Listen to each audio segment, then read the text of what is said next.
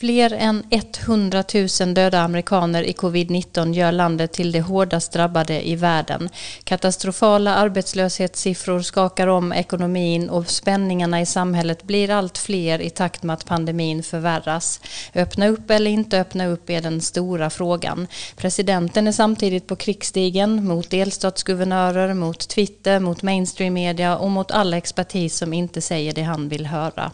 I dagens avsnitt av Amerikaanalyspodden pratar pratar vi om detta, men framför allt gräver vi lite djupare i vicepresidentämbetet. Vad har vicepresidenten egentligen för roll och hur viktigt är valet för Joe Biden nu när han ska hitta någon som han ska ha vid sin sida och tillsammans försöka utmana Donald Trump och Mike Pence. Veckans Trump bjuder vi också på, liksom lite bortglömda nyheter. Varmt välkomna att lyssna. I have a dream that one day this nation will rise up and live out the true meaning of its creed. This is a place where you can make it if you try. This is a country where anything is possible, no matter who you are. We do big things. Together, we represent the most extraordinary nation in all of history. What will we do with this moment? How will we be remembered? Ja, hej Dag eh, och Karin. Hallå, hallå. Hej, hej. hej. Hur är läget med er i dessa tider? Eh, börjar corona-isoleringen ta på krafterna eller har ni hittat något sätt att manövrera i, i allt det här? Karin, hur är det med dig? Ja, det är väl två spår. Det ena är ju att ja, det tar på krafterna, det är tröttsamt och trist. Och, men det finns ju saker man kan sysselsätta sig med. Man kan ju följa det amerikanska skeendet till exempel i detalj och man kan ja, se på serier och läsa böcker och så. Mm. Och skriva klart böcker? Alla möjliga. Mm. En hö hög. Mm. Dag, eh, hur, hur är läget med dig? Vad, vad gör du för ja, att fördriva tiden? Jag kan väl säga att man är trött på det och trött av det. Det är en väldigt bra sammanfattning. Ja, mm. ungefär så. Så, ja. så, så, känner jag. Mm, så känner du ja, det tror jag är många som håller med om. För nya lyssnare så är det kanske på sin plats eh, att berätta att vi som gör den här podden är Dag Blank då som vi hörde, professor i Nordamerikastudier vid Uppsala universitet. Du är också föreståndare för ett forskningsinstitut om svensk-amerikansk historia och relationer vid Augustana College i Illinois i USA. Och där är ju du ofta och du skulle väl egentligen varit där nu eh, vid den här tiden om det inte hade varit för coronapandemin. Så är det. Mm. Karin Henriksson, eh, mångårig USA-korrespondent och författare till en lång rad böcker om USA. Den senaste i raden om alla presidenter genom den amerikanska historien. Du är också bosatt i Washington där du är vårt ständiga öga och öra från maktens huvudstad. Och så är det jag, Frida Stranne. Jag är forskare vid Högskolan i Halmstad och knuten till Nordamerikainstitutet. Eh, och eh, trots att jag är junior i det här sammanhanget så har jag också ägnat de senaste två decennierna om att forska om och vistas i och nära studera utvecklingen i USA. Um, ja, Dag, dig brukar man se mycket i Sveriges Television. Um, Karin, du dyker upp lite överallt. Uh, jag är krönikör i Expressen och jag kommenterar i år också för TV4 bland annat. I vårt gäng så ingår också professor Erik Åsad men han har tagit en liten paus under våren för att färdigställa sin kommande bok. Ehm, men det är som vanligt jätteroligt eh, att samtala med er, Karin och Dag, om vårt gemensamma intresse som ju är amerikansk politik och samhällsutveckling. Här i den här podden försöker vi ta upp sånt som inte alltid får plats i det dagliga nyhetsflödet och så går vi på djupet på något ämne. Där vi har lite mer tid att förklara hur man ska förstå saker som händer i USA. Och just nu händer det ju väldigt mycket i USA. Ett förestående presidentval som inte liknar någonting annat. En president som är pressad och som måste hantera både en allvarlig ekonomisk kris och en pandemi. Ehm, och som nu efter över tre år och cirka 11 000 överdrifter eller lögner i olika Twittermeddelande har fått lite motstånd från Twitter. Karin, vad är det som har hänt? Men framför allt, hur ska vi förstå det här och vad kan det innebära för Trump? Ja, det han egentligen vill göra är att elda på sin gamla kritik och det är ju något som hans bas uppskattar om att sociala medier med alltså de företag som står bakom, de har hemvisten i Silicon Valley och San Francisco och de enligt Trump och hans bas censurerar konservativa krafter. Och sen så fortsätter han då att upprepa sina lika gamla anklagelser om att IT-jättarna är maskopi med liberala medier och att de var del av det som han kallar för the Russia hoax. Och eh, juridiska experter de var ute redan innan Trump meddelade att han ska utfärda ett presidentdirektiv om reglering eller avstängning och experterna menar att, att det, det, han har förmodligen inte rätten på sin sida och när vi spelar in det här så är det förmodligen några timmar kvar till dess att Trump kommer att eh, träda fram och, och berätta vad det är han ska göra. Men eh, normalt så gillar inte republikaner att eh, staten lägger sig i det privata näringslivet. Men Trump har ju gjort det gång på gång på gång. Men brukar vara så att han hotar, han går ut med hot mot enskilda företag men i slutändan så brukar det inte alltid leda någon vart utan mest ge honom några timmars dominans i nyhetsflödet. Och det gäller ju även i det här fallet där han Ja, som, som vi, alltså han har ju då fått kritik externt för att han har förmedlat konspirationsteorier och eh, änklingen till en kvinna som påstås ha mördats av Trumps fiende Joe Scarborough har då begärt hos Twitter att detta måste sluta. Och för många, många, många amerikaner och folk i hela världen kanske som följer Trump på Twitter så är detta ändå en, en, en stor fråga. För att vi har ju alla sett hans Twitter och hur han far ut mot den ena efter den andra och är inte det förtal eller så vidare. Så att det, det, det är liksom en fråga om, om liksom vad man kan säga på de här sociala medierna och framförallt vad presidenten kan säga. Mm. Och sen kan man säga då slutligen då i det här fallet att han befinner sig lite i en knipa här för att om, om nu Twitter skulle på något sätt eh, ja, vad ska man säga se till att han följa vissa ramar då kommer det hindra hans fortsatta användning av Twitter. Så det blir det är minst sagt spännande. Mm, ja, för att han riskerar ju verkligen mycket eh, om han skulle för, förlora den här plattformen som han har och som ju är verkligen hans mycket aktiva sätt att eh, kommunicera med både sina väljare och eh, omvärldens eh, ledare och till och med sina egna medarbetare. Dag, vad säger du om den här, eh, det här Twitter-debaclet som är nu? Ja, det är en intressant diskussion rent mera principiellt. Det kommer ju eh, bli en diskussion om yttrandefriheten som är väldigt starkt reglerad i USA i det första författningstillägget och väldigt, det finns ett väldigt starkt skydd för yttrandefriheten. Och de här stora media, sociala medieföretagen, Twitter och Facebook och Instagram och så vidare de är ju helt privata och frågan är vilken roll de spelar. De har kommit att spela en oerhört stor roll och frågan är kan man, ska man reglera dem på något sätt? Det har ju varit uppe redan tidigare i debatten här. Vi minns Elizabeth Warren till exempel, hon var ju för att minska de här stora eh, jättarnas roll och vi minns ju diskussionen från 2016 och Facebooks roll eh, och med alla annonserna på Facebook och så vidare. Så det är en större fråga det här hur, hur de här nya sociala medierna får och ska kunna agera och hur ska de kunna förhindra att rena lögner förs fram. Mm. Och sen har han ju varit hyperaktiv får man ju säga på Twitter egentligen under hela sitt presidentskap men de senaste veckorna har varit synnerligen aktiva. Eh, vad kan man säga Karin, vad är det främst för saker som han har drivit där hårt nu den senaste tiden? Ja, utöver då de vanliga fake news-anklagelserna så kan man kartlägga åtminstone tre teman.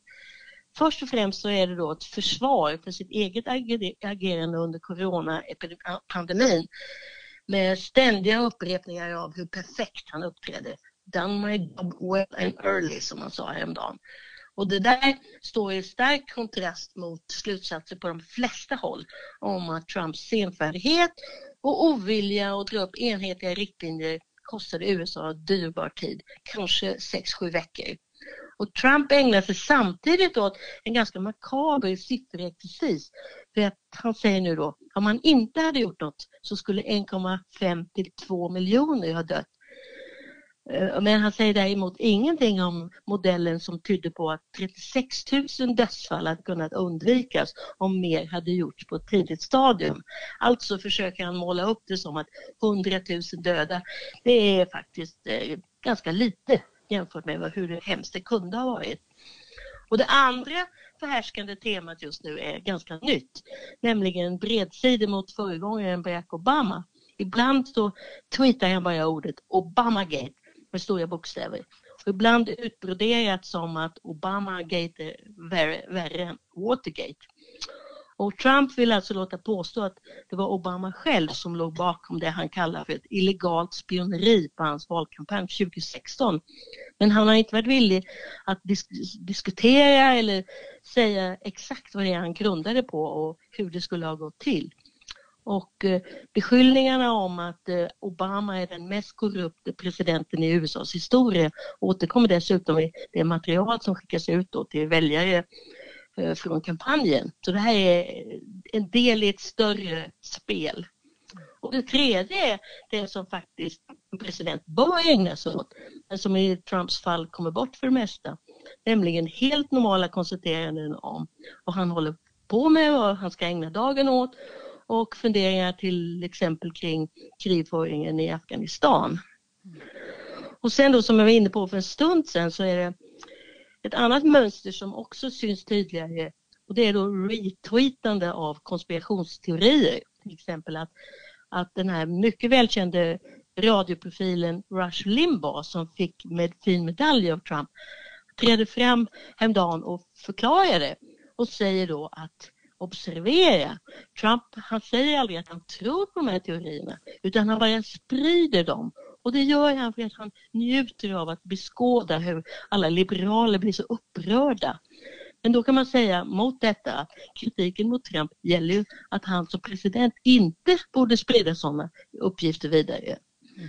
Och sen då slutligen i det här lilla spåret så kan man säga då att, eller man ska komma ihåg att Trump har ju varit väldigt framgångsrik i de här ja, gamla taktikerna att man, om man upprepar samma sak tillräckligt många gånger så tror faktiskt folk att det är sant. Mm. Ehm, ja, det finns väldigt mycket att säga om detta twittrande och det blir ju väldigt intressant att följa vad som kommer hända nu eh, i det närmsta, absolut vad det gäller eh, hur han ska agera mot Twitters nya eh, grepp här. Ehm, någon annan utveckling som vi har sett tydligt också den, den senaste tiden är ju en konflikt mellan röda och blå stater. Eh, vad kan man säga om, det som händer där, Karin? Ja, det är ju en gammal, gammal, gammal eh, och allt eh, häftigare strid som pågår då mellan röda, som sagt, republikanska delstater och blå, alltså demokratiska delstater. Och eh, en, en symbolfråga här är då munskydden. Donald Trump han, han inte bara vägrar att bära munskydden utan han hånar andra som gör det, till exempel då för vicepresidenten och den troliga demokratiska presidentkandidaten Joe Biden. Men det är samtidigt ett faktum att coronasmittan har drabbat de demokratiska blå delstaterna hårdast, i synnerhet New York och New Jersey. Och eh, New York Times har lagt publicerat statistik som säger att endast 27 procent av det totala antalet coronafall och 21 procent av antalet avlidna i kommunerna, alltså counties, som Donald Trump vann, eh, inträffade där alltså. Och trots att 45 procent av befolkningen bor där. Och skälen är då befolkningstätheten, att det är storstadsområden i de här delstaterna och där man röstar demokratiskt. Men det är också så att det är där som de grupper som drabbas hårdast bor, det vill säga svarta och latinos. Och de har ofta sämre tillgång till vård och ofta underliggande sjukdomar som diabetes och, och hjärtproblem. Och totalt sett så säger man nu att antalet fall avtar men inte nödvändigtvis i de röda delstaterna. Mm. Vad säger du om de här eh, spänningarna mellan delstaterna och också mellan presidenten och olika delstatsguvernörer eh, Dag? Det är väl ändå ganska anmärkningsvärt det vi ser hända nu? Ja, det är som Karin säger att det är de här gamla kulturkrigen som på något sätt upps, uppspelas igen och att man kan se hur bedömningen av den här fruktansvärda pandemin färgas av ens politiska preferenser. Alltså, eh, dels vad man tycker om det hela och sen också hur, hur, hur man drabbas. Så det blir verkligen en partiskiljande fråga det här, hur man ska se och bedöma eh, pandemin. Mm. Ja, eh, jag tänker att vi håller fast en liten stund eh, vid Trump, eh, vid presidenten själv och går över till veckans Trump som vi ju brukar bjuda på här och det står du för Karin som ju håller utkik ännu mer än vad jag och Dag gör på daglig basis om vad som sägs i, Washington. Trump klagade konstant över att president Obama spelade golf när denne var president. Men i helgen var han själv ute på golfbanan, sin egen, två gånger. Och vi ska höra lite av vad han sa för några år sedan när det gällde Obama. And you know, when you're president, you sort of say like, I'm going to sort of give it up for a couple of years and I'm going to really focus on the job. How about right after the beheading, he then walks mm-hmm. over and gives right. a news conference and then walks right outside and tees it up. Mm-hmm. Right. You know, there are times to play golf. We all love golf. There are times to play and there are times that you can't play. And it sends the wrong signal, but he plays a lot of golf. Ja, Karin, när han fick kritik över sitt eget golfande i helgen så, så svarade han på Twitter eh, igen, eller hur? Hur lät det där? Ja, det gjorde han. Och eh, då, då så, för, för det första så drog han då återigen upp de här anklagelserna om att Obama låg bakom eh, Rysslandsutredningen, eller det som ledde till att det blev en eh, Rysslandsutredning. Och då påstår han att, eh, och det kanske är sant, att Obama hade skymtats på en golfbana i Virginia nyligen trots att hans hustru Michelle manar folk att stanna hemma. Och eh, Trump har ju också upprepade gånger sagt nu på sistone att eh, Obama for till eh, sin hemstad Hawaii i Air Force One och eh, utan att påpeka då att han själv är ute och flyger ganska ofta med det planet och då åker han till Florida och eh, till sin egen golfbana och sitt eget hotell. Och där är det ju dessutom så att eh, Secret Service, det vill säga livvakterna och annan personal hyr rum på de här anläggningarna som alltså betalas av amerikanska skattepengar. Och det var ju inte fallet med Barack Obama. Ja, vi kanske ska förstå allt detta också lite som en del av valkampanjen 2020. Absolut. Mm. Tack för den eh, eh, spaningen och eh, veckans Trump.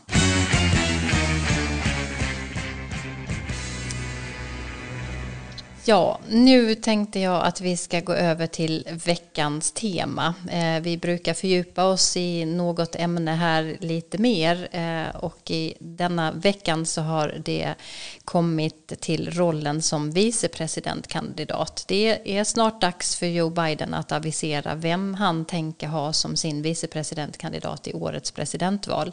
Ett val som kanske är viktigare än någonsin med tanke på hans väldigt höga ålder. Joe Biden själv vet mycket väl vilka många överväganden som måste göras eh, när man ska utse sin vicepresident, vilka krav som ställs på en sådan kandidat och vad som väntar henne. För vi vet faktiskt med säkerhet att det blir en kvinna. När hon nu tillsammans med Biden ska försöka vinna årets presidentval. Biden själv var ju nämligen som bekant eh, vicepresident till Barack Obama. Men hur går urvalsprocessen till? Vad behöver en vicepresidentkandidat ha för egenskaper och vilka väljare behöver hon i det här fallet i år nå? Och vad har en vicepresident för formellt för roll? Det är mycket eh, mer om president, vicepresidentämbetet ska vi prata om nu i veckans tema. Och vi ska höra först en liten ljudillustration när Biden själv svärs in som vicepresident. Please place your hand on the Bible and raise your right hand and repeat after me. I, Joseph R. Biden Jr., do solemnly swear. I, Joseph R. Biden Jr., do solemnly swear. That I will support and defend the Constitution of the United States. That I will support and defend the Constitution of the United States. Against all enemies, foreign and domestic. Against all enemies, foreign and domestic that I will bear true faith and allegiance to the same, that I will bear true faith and allegiance to the same, that I take this obligation freely. That I take this obligation freely. Without any mental reservation or purpose of evasion, without any mental reservation or purpose of evasion, and that I will well and faithfully discharge and that I will well and faithfully discharge the duties of the office on which I am about to enter. the enter. duties of the office on which I am about to enter. So go- help me God. So help me God. Congratulations. Thank you. Your Honor. Ja, eh, där svor eh, vicepresident Biden in. Vad, vad spelar vicepresidenten för roll i USA, Dag? Ja, om man tittar på konstitutionen så säger den att vicepresidenten ska göra tre saker. För det första så ska vicepresidenten ersätta presidenten om denne dör, avgår eller inte kan utföra sina plikter. Det är det första. Nummer två, vicepresidenten ska sitta som ordförande i senaten och i fall av lika röstetal vid omröstningarna i senaten ska han eller hon avge utslagsrösten. Det är den andra uppgiften. Och den tredje uppgiften är att leda räknandet av elektorsrösterna efter ett presidentval och offentliggöra utgånget av valet i en gemensam session av senaten och representanthuset. Det är de tre Eh, eh, uppgifterna som konstitutionen ger till vicepresidenten. Man kan ju notera den här tredje uppgiften att leda räknandet av elektorsrösterna. Det är ju en väldigt formell, eh, formell roll bara och offentliggöra hur det gick i valet. Alla vet ju egentligen hur det har gått. Men den är intressant eftersom det betyder att fyra sittande vicepresidenter har meddelat att de själva har vunnit valet och blivit den nya presidenten. Eh, Det gäller John Adams 1797, Jefferson 1801, Martin Van Buren 1837 och George H.W. Bush 1989 som alla då så att säga efterträdde den sittande presidenten och fick meddela att det var de som hade vunnit. Det motsatta gäller också att vicepresidenter har blivit tvungna att meddela att de själva har förlorat ett presidentval. Första gången var John Breckinridge 1861 mot Lincoln men också Richard Nixon som 1961 fick offentliggöra då att han hade förlorat mot John Kennedy och Al Gore 2011 fick meddela att han hade förlorat det mycket, mycket jämna valet mot George W. Bush. Mm. Hubert Humphrey som förlorade mot Nixon 1968 och var vicepresident. Han skulle behövt göra det men han var på en begravning i Norge så han slapp för att göra detta formella. Eh, det verkar inte, eh, när man betraktar det utifrån, vara ett speciellt betungande ämbete. Är det, är det rättvist att säga det? Ja, det kan man verkligen säga. Det finns många som har beskrivit vicepresidentskapet i mycket negativa termer. Den första vicepresidenten i USA, John Adams, kallade det för det oviktigaste ämbetet som någonsin skapats. Och den mest berömda karaktäristiken är, kommer nog från John Nance Garner, Franklin Roosevelts första vicepresident som sa att the, the vice presidency is not worth a bucket of warm spit. Hmm. Eh, det finns en diskussion om att han använder ett annat ord men vi använder warm spitter. Så de säger att det är väldigt oviktigt. Det har ju egentligen inte alls någon formell politisk makt egentligen. Nej, ehm, vi kommer väl in på det sen också, men de kan väl ändå betyda väldigt mycket för eh, presidenten i bakgrunden. Men trots att ämbetet inte är så viktigt så verkar ju många vicepresidenter och eh, presidenter senare bli just presidenter själva. Ja, så är det. Om man tittar på listan över alla presidenter som finns i Karins fina bok om alla USAs presidenter till exempel, så kan man säga att nästan en tredjedel av alla presidenter, 14 stycken, har varit vicepresidenter innan de blev presidenter. Åtta blev presidenter genom att en president dog. Den senaste var Lyndon Johnson som då efterträdde John Kennedy. Och en blev vicepresident genom att en president avgick. Det var Ford 1974 som efterträdde Nixon. Medan sex då har valt som presidenter av egen kraft, som har ställt upp som presidenter efter sina vicepresidents ämbeten. Den senaste där var då George H.W. Bush, pappa Bush, som vann då 1988 efter att ha varit Reagans vicepresident. Så att vara vicepresident är faktiskt en ganska god plattform om man vill bli president. Mm. Kan man säga någonting Karin om, om hur det har gått för ex-vicepresidenter när de sen har blivit presidenter själva? Ja, det kan man faktiskt. Ett, ett par av dem har ju, eh, de rankas nu bland de sämsta och de bästa presidenterna. Man kan nämna då Andrew Johnson som tillträdde efter mordet på Abraham Lincoln och Theodore Roosevelt som tillträdde efter mordet på William McKinley. Och Johnson han hamnar alltid på en av jumboplatserna för sitt sätt att sköta ämbetet efter det uppslitande inbördeskriget. Han blev till och med impeached. Medan Teddy Roosevelts eh, nuna finns inhuggen i Mount Rushmore. Bland annat för hans kraftfulla personlighet och ledarskap. Och så har vi förstås Harry Truman som överraskande hade utsetts till Franklin Roosevelts vicepresident.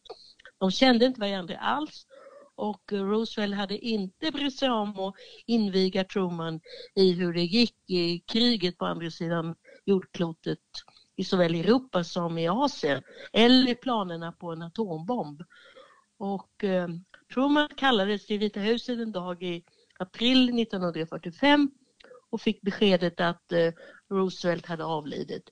Han frågade då änkan Eleanor Roosevelt vad han kunde göra, om det var någonting han kunde göra för, för henne. Varpå hon svarade Is there anything we can do for you? For you are the one in trouble now. mm. eh, finns det några annat, andra anekdoter, eh, Dag, som är värda att ta upp? Ja, det finns många anekdoter. Eh, man kan ju till exempel ta upp Lyndon Johnson då som, som ju kom att efterträda eh, John Kennedy efter mordet på honom. Men Johnson ställde ju upp i presidentvalet 1960 mot John Kennedy. De, de var två kombatanter där under, under primärvalen. Och eh, han förlorade då eh, i, i primärvalet mot John Kennedy lite oväntat. Jag tror att han utgick ifrån att han skulle ha mycket starkare ställning. Och, eh, men sen blev han då i en mycket berömd uppgörelse erbjuden vicepresidentskapet av John Kennedy. Eh, de tyckte inte alls om varandra och Kennedys medarbetare tyckte inte om Johnson men man förstod att man behövde Johnson. och Han kom ju från Texas och från sydstaterna. Och då gav han upp den mäktigaste positionen i senaten. Han var ju majoritetsledare i senaten. Han hade ju utvecklat den positionen och gjort den till en mycket, mycket central position i amerikansk politik. Och så ger han upp detta då för att bli vicepresidentkandidat. Och varför skulle han då göra det? Och han fick den frågan och, och då sa han att eh, när han förstod att han inte skulle kunna vinna presidentnomineringen av egen kraft så hade han då tittat på historien och räknat ut att under de senaste hundra åren hade fem av 18 presidenter dött i ämbetet. Det gav honom en 20 procents chans att bli president. Och så la han till på sitt typiska sätt I'm a gambling man and this is the only chance I've got. och det, sen är det, tra det tragiska är ju då att han fick ju rätt. Han blev ju sedan president efter mordet på John Kennedy och sen blev han då omvald i egen kraft 1964 i en, i en uh, jordskredsseger. Mm. Precis. Eh, det är väldigt mycket som ju har förändrats. Vi har pratat flera gånger här i podden om de olika maktgrenarna i, den, i det amerikanska politiska systemet och hur de också förändrats över tid. Har det också gällt vicepresidentämbetet på något sätt? Ja, det kan man säga. Det fanns en, en oklarhet egentligen i konstitutionen från början om, om vicepresidentens roll. Den första presidenten som tog över, vicepresidenten som tog över, det var John Tyler 1841 som, som när William Harrison dog. Och eh, det, hans legitimitet ifrågasattes för i artikel 2 i konstitutionen så talas det om att när presidenten dör eller avgår ska citat ämbetets makt och plikter övergå på vicepresidenten. Övergå på vicepresidenten, devolve on the vice president. Och det betyder att det fanns en oklarhet om vicepresidenten faktiskt blev president eller om det var så att säga, bara ämbetets makt som flyttade över på honom och vilken ställning hade han? Var han en tillförordnad president eller var han en, en, en riktig president och det där plågade eh, eh ganska länge de personer som tog över makten på det sättet. Mm. Och då måste man ju ställa frågan, har den här oklarheten den löst sig? Ja, den har gjort det och det var inte minst på grund efter mordet på John Kennedy eh, när man antog det berömda 25 författningstillägget som blev en del av konstitutionen 1967. Och i 25 tillägget står det klart och tydligt att om presidenten dör, avsätts eller avgår blir vicepresidenten president. Och man bekräftade då det som hade skett redan 1841 där presidenten Tyler, han hade agerat så som han var som han var president. Och eh, i 25 författningstillägget så klargörs, klargörs det väldigt tydligt. Dessutom så infördes en regel för att nominera nya vicepresidenter. Det fanns ingen regel som sa vad som skulle hända om en vicepresident dog. Om en inte fann, och det fanns perioder när det inte fanns någon vicepresident på plats, när då vicepresidenten hade efterträtt en president. Hur skulle man då göra för att få en ny vicepresident? Och i 25 författningstillägget så införs en regel som säger att presidenten då ska nominera en ny vicepresident och en majoritet av båda kamrarna i kongressen eh, i representanthuset och eh, senaten godkänna den. Och då blir denna person vicepresident. Och det har inträffat två gånger, 1973 när Nixons vicepresident Spiro Agnew avgick efter en skandal och då fick eh, Nixon nominera Gerald Ford som då var minoritetsledare för Republikanerna i representanthuset och han bekräftades med en mycket stor majoritet i kongressen. Andra gången som detta användes det var när då ett knappt år senare när Nixon själv hade tvingats avgå som en konsekvens av, av, av Watergate-skandalen och Ford då enligt 25 tillägget helt klart efterträdde honom och blev president. Och sen följde då på Ford att nominera en ny vicepresident nämligen Nelson Rockefeller som då tillträdde i december 1974. Och det betyder att under, i drygt två år, från december 74 till januari 77, var varken presidenten Ford eller vicepresidenten eh, Rockefeller direkt vald av folket utan då faktiskt utsedd genom 25 författningstillägget. Så det var två innehavarna av de två högsta ämbetena i USA var inte valda av folket under den perioden tills då Jimmy Carter eh, vinner valet 1976 och tillträder på det ordinarie sättet. Jätteintressant och säkert inte många som känner till. Eh, vad hade den här podden varit utan dig som historiker Dag, eller vad säger du Karin? Absolut, mm. det här är ju verkligen liksom Ja, fan fantastiska eh, intressanta detaljer från eh, tidigare. Eh, Idag, idag när vi följer presidentvalen så nära och intensivt som vi gör här i Sverige och har gjort eh, faktiskt ganska många val bakåt nu så får ju ändå vicepresident eh, en stor uppmärksamhet på olika sätt och vi sänder ju till och med vicepresidentkandidaternas debatter här nu mer i Sverige. Eh, och det gör ju att man eh, får uppfattningen att vicepresidentkandidaterna ändå spelar en stor betydelse under valet. Eh, vad kan man säga om det? Hur, hur, stor omfattande betydelse har, har eh, valet av vicepresident? Ja, om jag kan börja där så kan jag säga att uppmärksamheten brukar vara väldigt stor i, runt själva valet av vicepresident. Vem är det som blir vicepresident? Det är mycket spekulationer kring det och mycket diskussioner kring det. När personen sen är utsedd så brukar de spela en mycket mindre roll, roll under själva kampanjen. Då kommer med nödvändighet all uppmärksamhet att, att fokusera på presidentkandidaterna. Men ibland är det ju så om vicepresidentkandidaterna är uppenbart svaga eller okunniga så kan det bli en negativ faktor eftersom då, då reflekterar illa på presidentkandidaten. Hur kan han eller hon ha valt en så dålig person? Ett bra exempel på det är John McCains vicepresidentkandidat 2008. Eh, Alaska-guvernören Sarah Palin hon valdes ut snabbt, kanske för snabbt för att skaka om kampanjen. Det gick inte så bra för McCain, han låg efter där 2008, Obama. Och man trodde på att det här skulle kunna göra, få en ny start för kampanjen. Men en intervju med Katie Couric från CBS avslöjade stora brister i hennes kunskaper. Bland annat om vad hon läste. Katie Couric frågade henne vad hon läste för tidskrifter och tidningar. Och hon kunde inte riktigt säga det och det blev väldigt negativt. Jag tror vi har en ljudillustration här på den, från den intervjun.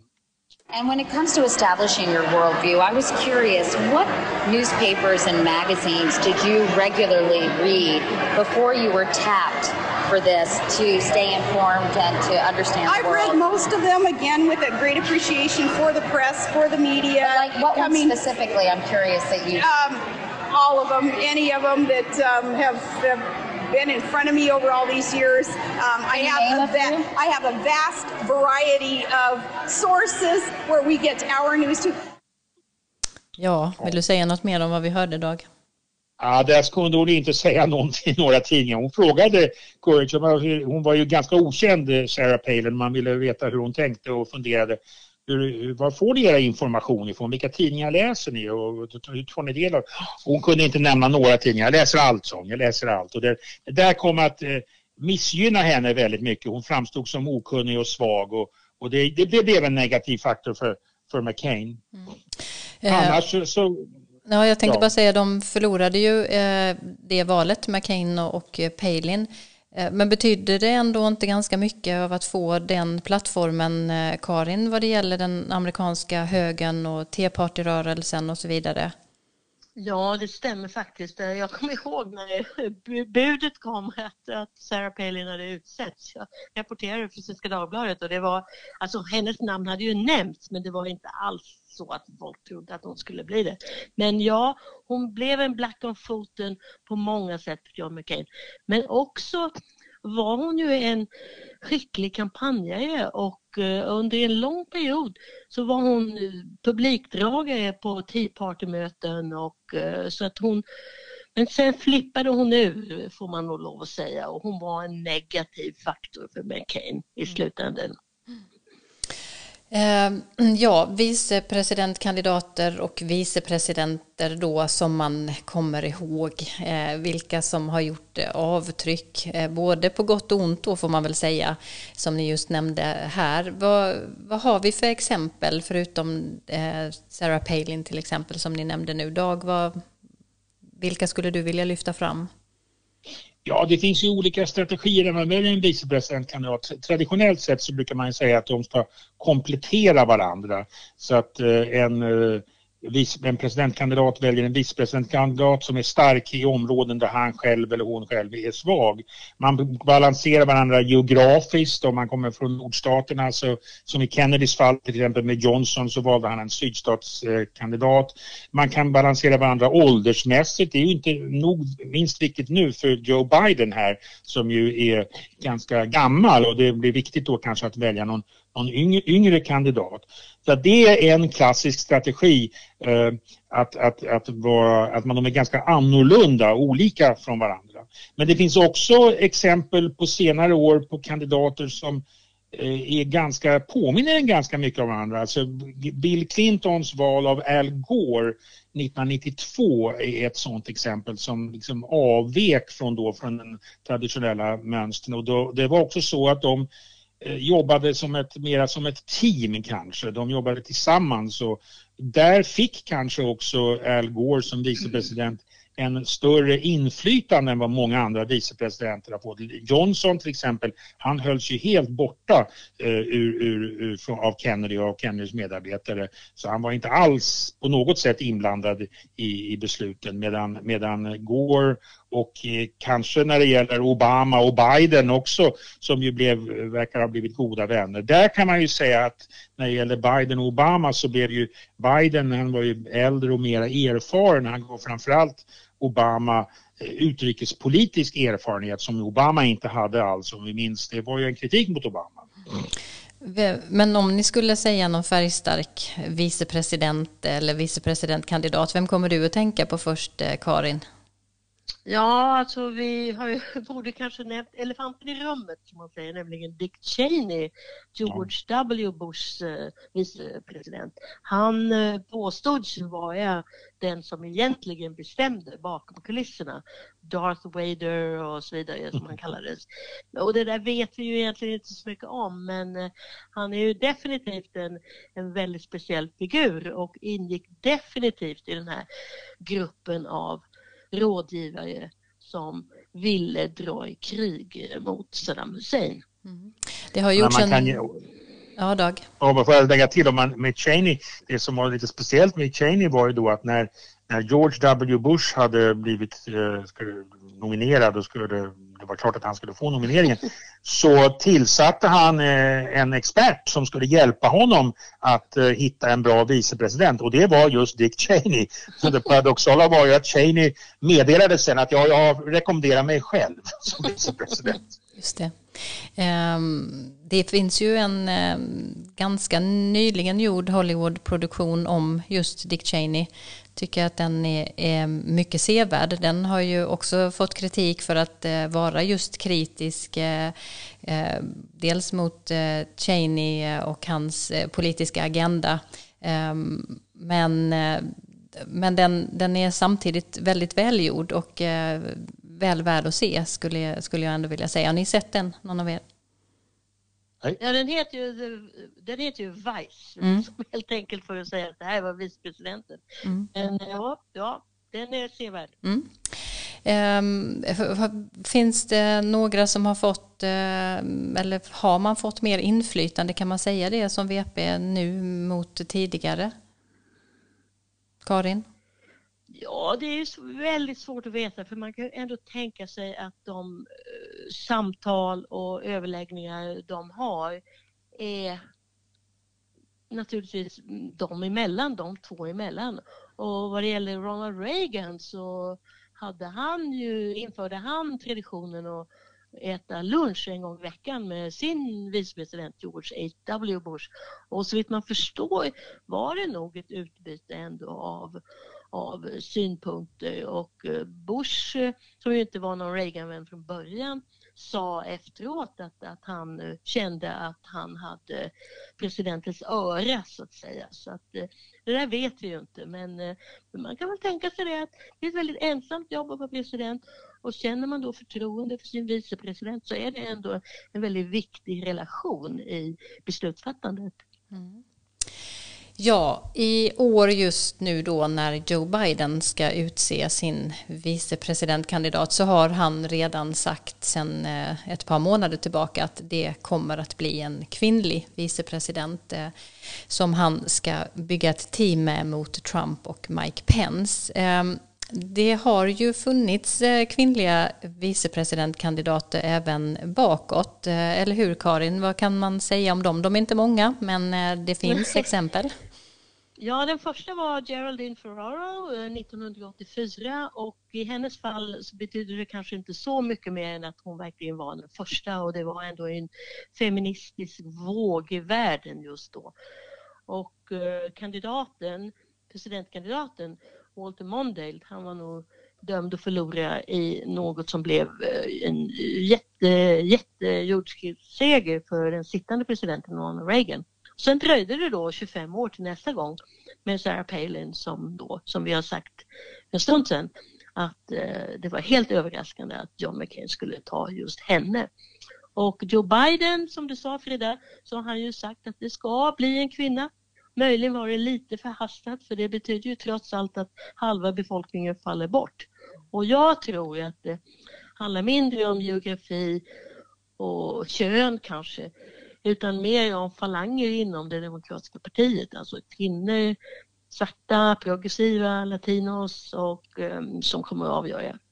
Samtidigt så kanske man ändå kan säga att eh, det är viktigt att eh, utse en kvinna i år med tanke på att kvinnor ju har tagit ett, st fått större del eh, av politiken, tar mer utrymme, kandiderar i högre utsträckning till olika politiska positioner och rekordmånga kvinnor blev invalda i kongressen i mellanårsvalet 2018. Eh, kvinnor är också en viktig väljargrupp, eller hur? Så att, eh, det är inte konstigt att han väljer att eh, gå den här vägen, eller hur?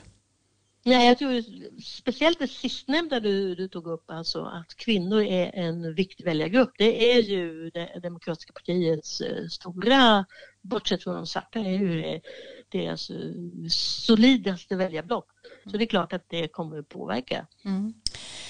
Um, det finns ju en lång rad namn som nämns. Um, det är ju många som tycker det är Eh, intressant och kul, lite spännande att spekulera i vilka, eh, eller vilken kandidat det faktiskt kan bli. Kan vi säga någonting om vad det, vad det lutar åt att han väljer mellan för kandidater i alla fall? Ja, det kanske vi inte kan, hålla på att säga. Det är, det är då minst tio som nämns. Alltså, och flera av dem är, är då senatorer, däribland då Elizabeth Warren, Amy Klobuchar och Kamala Harris. Och eh, det är de namn som förekommer mest i mer så här interna mätningar eller externa mätningar där man försöker liksom pricka in vad väljarna vill ha.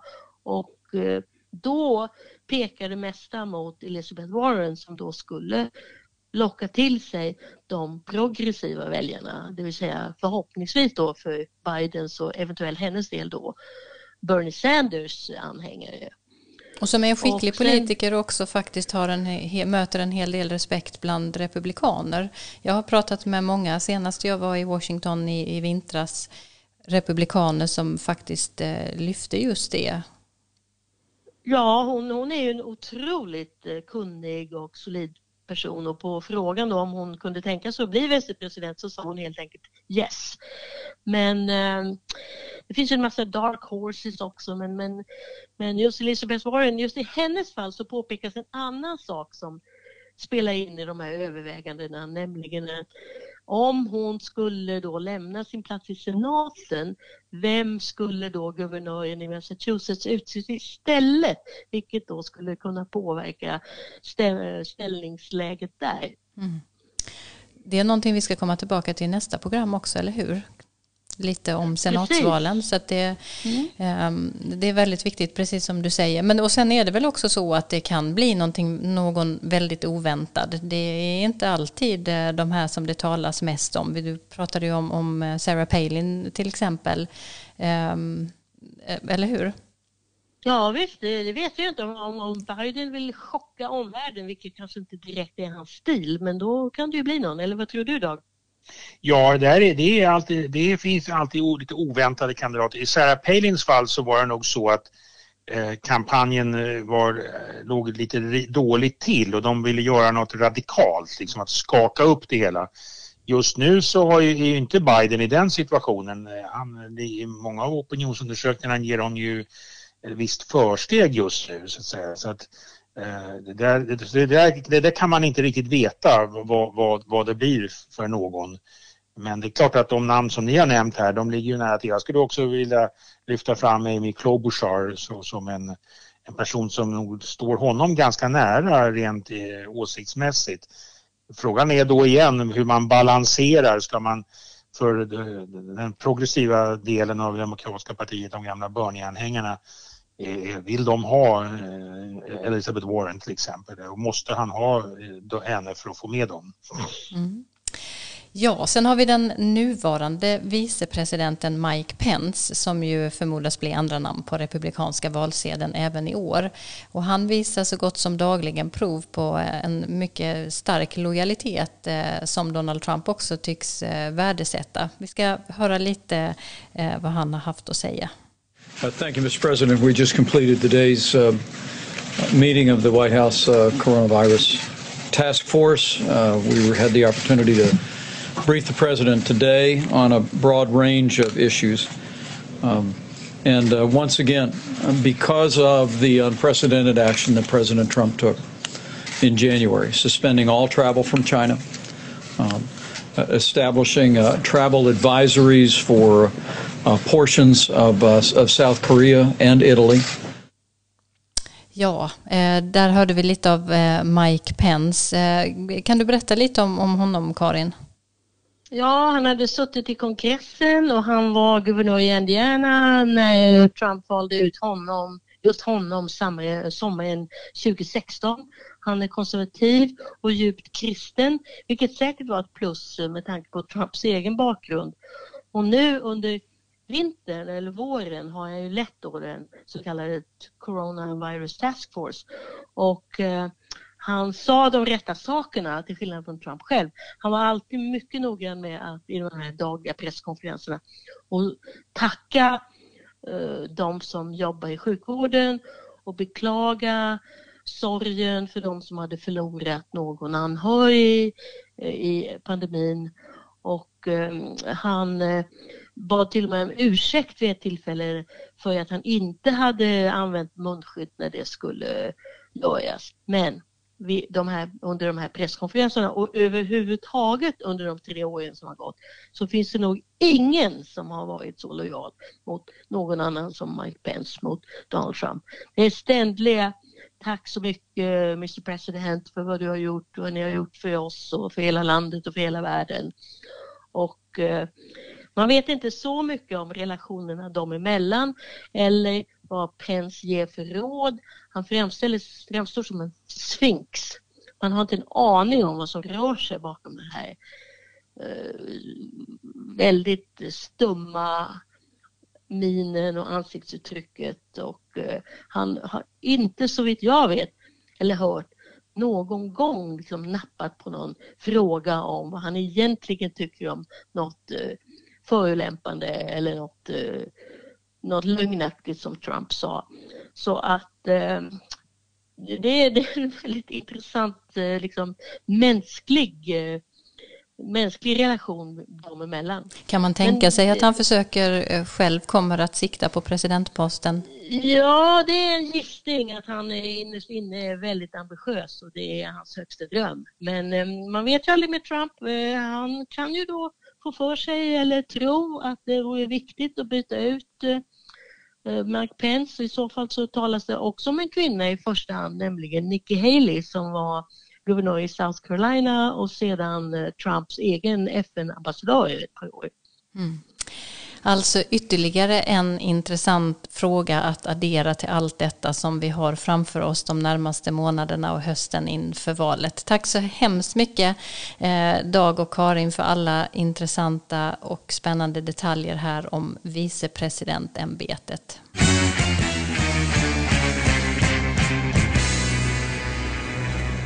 Ja, vi ska avsluta lite snabbt eh, med eh, bortglömda nyheter eller händelser som kommer lite i skymundan. Eh, både utifrån att vi är mitt inne i en pågående omfattande pandemi, eh, kris och eh, också att Donald Trump ofta gärna tar väldigt mycket utrymme med sina Twitter och olika utspel. Men det händer ju också mycket annat. Dag, har du någon sån här nyhet som du tycker att vi borde prata mer om? Ja, det handlar om rymden. Amerikanska rymdprogrammet som ju har varit eh, i, i träda ganska länge nu.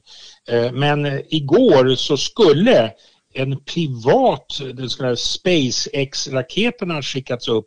Elon Musks från Tesla, Tesla Fame, hans privata projekt om att skicka upp en raket i rymden. Den blev inställd på grund av dåligt väder och ska komma snart igen när, det, när molnen har lättat över Cape Canaveral. Men det var första gången sedan faktiskt 2003 som en amerikansk raket skulle ha avfyrats med amerikanska astronauter och sen då att det är en privat aktör som är inblandad. Man kan fråga sig, betyder detta en nystart för ett amerikanskt rymdprogram? Ja, ehm, jag har hört en, en del om, pratas om det eh, i, eh, i våra nyheter men eh, det, med den här sista frågan om det är en nystart för amerikanskt rymdprogram är ju synnerligen intressant eh, av många skäl. Eh, Karin, har du någonting som du tycker har kommit bort? Ja, möjligen kan jag säga att eh, det är nog många som vill att USA ska ha ett rymdprogram men det är ingen som vill betala för det. Och, eh, och eh, det är fastän då det här Elon Musk, det är ju mycket federala pengar i hela, hela tilltaget. Men hur som helst, låt mig bara säga kort att man pratar om nästan coronafettman. Att eh, amerikaner har nu medgett i enkäter att de eh, eh, kanske snaskar lite mycket nu när de sitter i karantän eller är hemma med barnen och att eh, de har gått upp ett par kilo under den här perioden. Eh, det hörde jag också från, eh, på svenska nyheter om oss eh, svenskar.